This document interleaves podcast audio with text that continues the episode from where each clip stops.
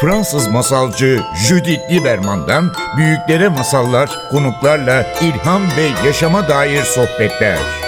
Masal Buya başlıyor.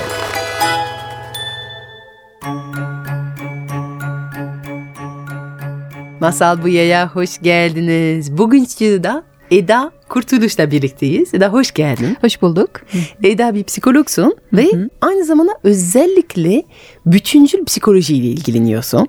Bununla biraz birlikte konuştuk. Bugün bizim konumuz bu olacak ama başlamadan önce çünkü şey inanıyorum yani insanın psikolojisinde insanın anılarında çok hikaye yatıyor tabii ki.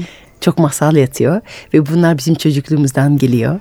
Senin çocukluğundan bugüne kadar seninle birlikte gelen bir masal var mı diye merak ettim. Oradan başlayalım ve ondan sonra sohbetimiz oradan devam etsin. Ne güzel bir soru.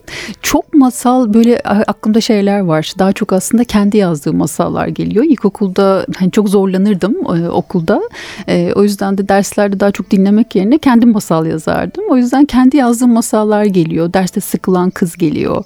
E, okumaya çalışıp böyle bir türlü okuyamayan kız geliyor. Bana anlatılanlar değil de aslında kendi masalım aklıma geliyor aslında. Çünkü böyle çok masal anlatılarak büyümüş bir çocuk değilim. Masal uydurarak büyümüş bir çocuğum. E, o yüzden de kendi yazdığım masallar geliyor diyebilirim. Harika. Peki bugün bugün aslında bir anlatıcı değilsin, bir dinleyicisin, Evet. değil mi? Bu bu dünyanın en şifa veren meslek olduğunu düşünebiliyoruz aslında. Psikolog diyoruz hep ama aslında bütün günün dinlemekle geçiyor. Ve bu dinlemekle birlikte sen insanın bütünlüğüne ulaşmasını hedefliyorsun. Bu nasıl oluyor yani? Sağlık nasıl bütünlükten geliyor? Ondan bahsedeyim. Bütüncül, bütüncül e, psikoloji nedir? Tabii. Hı hı, seve seve. Ee, aslında benim e, ekolüm de bütüncül yaklaşımı destekleyen bir ekol. E, kelime anlamı da bu. Ben bir Gestalt terapistiyim. E, Gestalt'ta kelime anlamıyla baktığımız zaman doğası tahrip edilirse parçalara bölünür.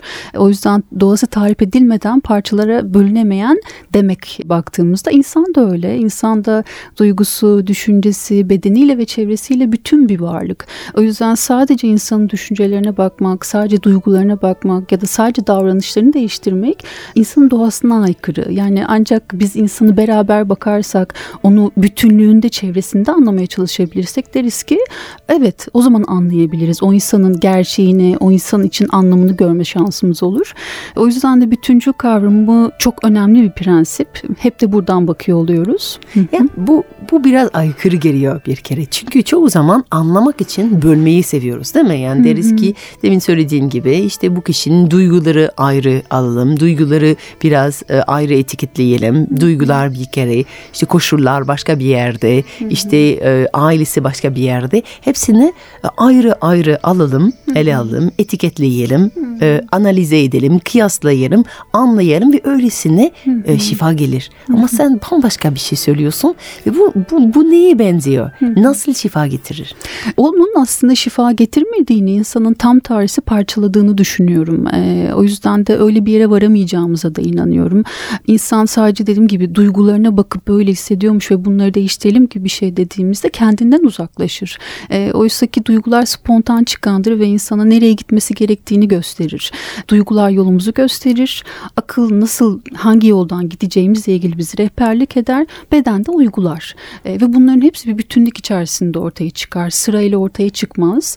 Ee, o yüzden aslında e, evet psikoloji dünyasında da biraz daha radikal bir söylemi vardır. Daha e, ziyade işte diğer işte bilişsel davranışçı terapiden ya da analitik kuramdan e, bu yanıyla da oldukça ayrılan bir tarafı vardır Gestalt'ın. E, şöyle bir örnek vermek istiyorum bunun için. Bir davranışın normal ya da anormal olduğunu söyleyebilmek için o kişinin içinde yaşadığı toplumdan soyut olarak normal veya anormal diyemeyiz. E, belki içinde bulunduğu koşullar için çok uygun bir davranışta bulunuyordur. O yüzden de tek başına bakıp e, uyduruyorum mesela e, nasıl bir örnek vereyim?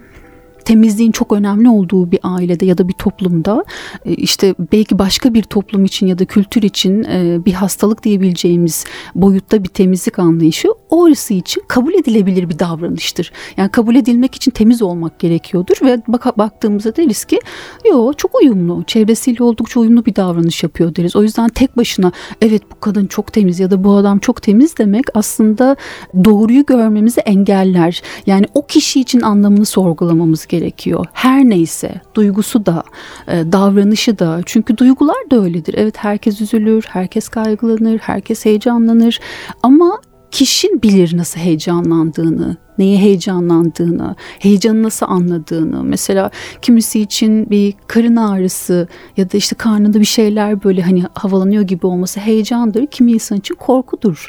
E, o yüzden e, buraları araştırmak gerekiyor. E, kişi için anlamını araştırmak gerekiyor. Yani bütünlük de buradan biraz geliyor. Yani o kişiyi toplumdan çıkartıp ya da şöyle söylemleri o yüzden uygun bulmuyorum. E, sen sadece kendi istediğine odaklan. Kendi isteklerine sahip çık İnsanların evet. ne düşündüğünü boş ver. Böyle bir şey yok. İnsanların ne düşündüğünü önemsiyoruz ve kabul edilmek istiyoruz. Ve kabul göreceğimiz yerde toplum. Yani o yüzden böyle bir dünyada yok. İnsan tek başına yaşayabilen bir varlık da değil. Yani buna ihtiyacımız var. İnsanlarla etkileşime ihtiyacımız var. Çünkü şey diyebiliriz yani sen ne istiyorsun? Bu kişi belki der ki işte ben ne istiyorum? İşte bir istifaydı bir kafe kurmak istiyorum. Çok iyi. Ama aynı zamanda bunu bütün ailenle ayrılmak pahasına istiyor musun? Hayır. Demek ki bundan daha önemli olan ailemle ahenk içinde yaşamak vardır. Yani aslında ne istiyorum? Şu an var olan ahengi ve sosyal ilişkiler devam ederek bir de bunu istiyorum demek istiyoruz. Aslında tek isteği bu değil. Şu an genellikle şey eksik olan na odaklanıyoruz ya. Ne istiyorum dediğimiz zaman aslında şey diyoruz şu an elimde olmayanını istiyorum. Yoksa aslında her şey aynı devam etsin artı bir de bunu istiyorum derken Bir de orada de... bir aklıma benim şey geliyor sen söylediğinde hani kafe açarak ne olsun istiyor? Kafe açarak herkes onu çok sevsin mi istiyor? Ailesi tarafından kabul edilmek mi istiyor? Var olan koşullarını değiştirmek mi istiyor? Oradaki kafe kurduğunda hayal ettiği sosyalleşeceği ortamı mı istiyor?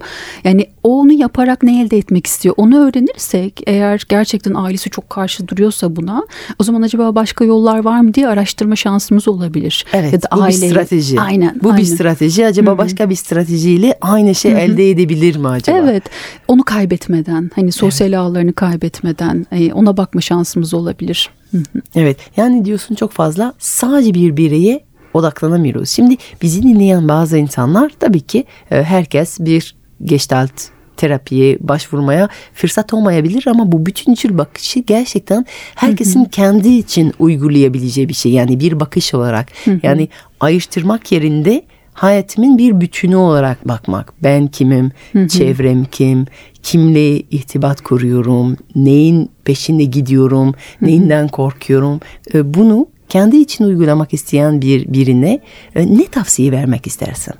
Özellikle kendini suçlama ile ilgili olan kısma değinmek isterim. Çünkü bütünlük kavramının amaçlarından biri de insanın kendisini yargılamadan kabul edebilmesini sağlamak.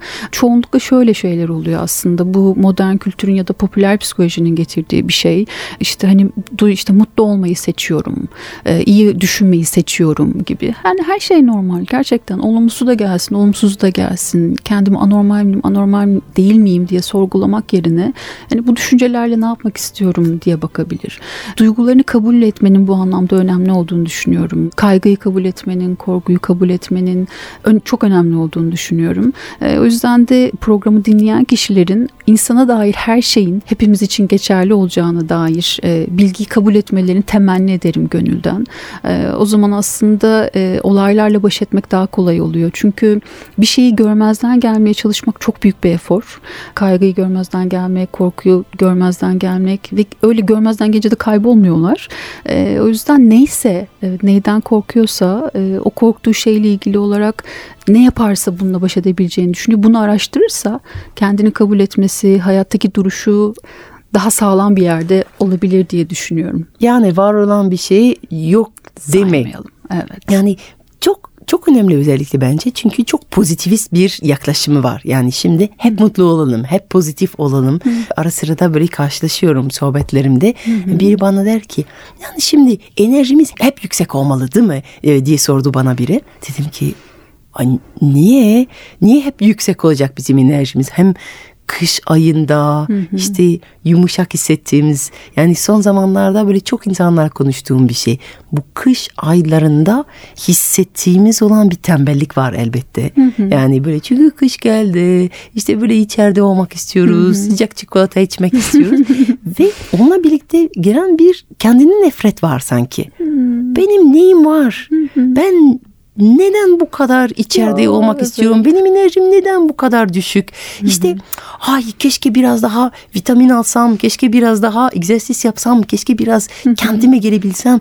Bugünler hiç kendim değilim. Hı-hı. Ay kış. Hı-hı. Yani sen diyordun ya bir şeyin bir parçasın, bir doğanın bir parçasın. Kesinlikle. Kış ayına geldi. Hı-hı. Yani o suçlamadan bahsediyordun ya o aklıma geldi Tam yani. bu zaten söylemek istediğim. O yüzden çok güzel bir örnek oldu. Ya bu imkansız. Yani insanız. Yani hep enerjik olamayız. Ve bu bir ruh sağlığı problemi. Yani sürekli insan mutlu olamaz. Ee, bunlar bir dönüşüm içerisinde olabilir. Evet hani şöyle bir mutluluktan bahsederken bile aslında baktığımız zaman şunu söylemiş oluyoruz. Yani bir insanın üzgün olmadığını söylemesi demek mutlu olduğunu söyleyebilmesi için. Yani her şey zıttıyla var. Yani o an üzgün olmadığını bilen birisi mutluyum diyebilir. Ee, o yüzden de de evet hani üzgün neyse ya da işte durgun olmak, keyifsiz olmak neyse evet ona müsaade etmek ve sonra zaten bunlar bir dönüşüm halinde.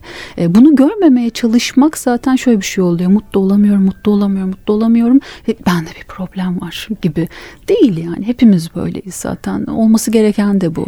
E, biraz hepsinin da, bir yeri var. biraz da böyle bir etki var ki bence e, alternatif ve çok bütün olmayan bir dünya yarattık sosyal medyada. Hmm. Yani çünkü sosyal medyada sadece hayatımızın çok kısıtlı bir bölüm paylaşıyoruz değil mi? Hı-hı. Sosyal medyada hep mutluyuz, hep tatildeyiz, hep inanılmaz güzel yemekler yiyoruz, hep dostlarımızla birlikteyiz. Yani sosyal medyada falan böyle yine bilgisayar başında mailleri cevap veriyorum diye post yok yani. Hep mutlu anlar ve Hı-hı. yani sosyal medya akışına bakan kişi sanki şey oluyor. Hı-hı. Ay ay bir benim mi gazım var yani? ee, bir benim mi böyle mide bulanıyor? Yani hiç kimsenin mide bulanmıyor sosyal medyada. Yani çok aslında bütüncül olmayan e, bir parça hayatın bir parçası böyle bir tüm olarak gösteriyoruz. Yani bu modern çağında yani insan nasıl kendine izin verebilir sence?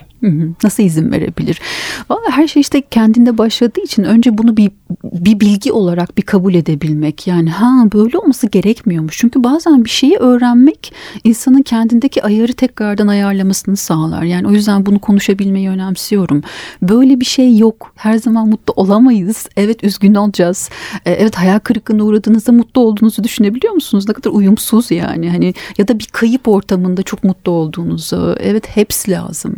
E, o yüzden de bir müsaade edelim kendimize ya. Sürekli mutlu olmak zorunda değiliz. Sürekli başarılı olmak zorunda değiliz.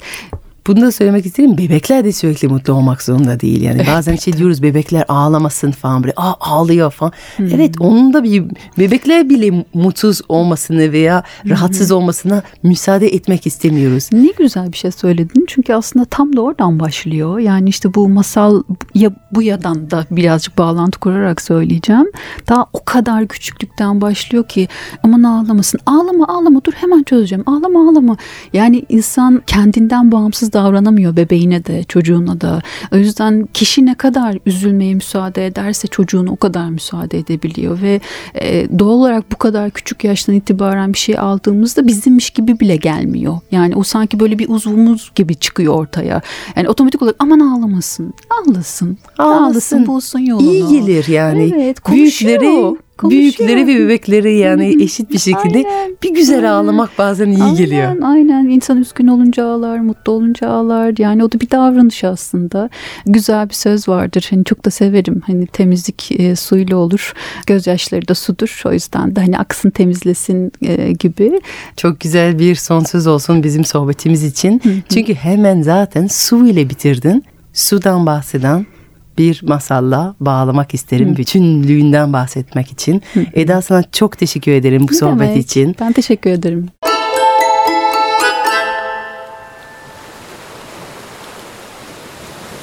Yükselip düşüyordu. Yuvarlanıp oynuyordu. Rüzgar onun üstünü okşuyordu. Dalga denizde neşeyle ilerliyordu. Önünde başka dalgalar, arkasında başka. Birlikte kıyıya doğru, vuslata doğru ilerliyorlardı. Yaklaştıkça her yükseldiğinde kıyıyı görebiliyordu. Bu onu çok heyecanlandırıyordu. Evet, kavuşma anına yaklaşıyordu. Kendini şişirip yükseltiyordu, kıyıyı görmek istiyordu. O zaman kıyıya ulaşan dalgaları fark etti. Her biri kıyıya vurunca dev bir gürültüyle parçalanıp yok oluyordu. Bu muydu? Hayatı boyunca koşarak ulaşmaya çalıştığı kıyı bir kırılma, bir son muydu? Dalga korktu. Kumlar içinde kaybolmak istemiyordu. Geriye dönmeye çalıştı, dansını yavaşlatmaya, kıyıdan kaçmaya. Arkasındaki dalga ona ne olduğunu sordu. Neden yavaşladığını. O da öngördüğü felaketi anlattı. Dost görmüyor musun? Birlikte kıyıya koşarken sonumuza akıyoruz. Öte dalga ona fısıldayarak cevap verdi. Kendini dalga zannediyorsun. Oysa ki okyanusun ta kendisisin. Sen hem su hem okyanus hem onun dansısın. Okyanus hiç biter mi? Su hiç biter mi? Hareket hiç biter mi? Ak ve güven her damlanın içinde sonsuzluğu taşıyorsun. Fransız masalcı Judith Lieberman'dan büyüklere masallar, konuklarla ilham ve yaşama dair sohbetler. Masal Buya sona erdi. Programın tüm bölümlerini ntvradio.com.tr adresindeki podcast sayfamızdan dinleyebilirsiniz.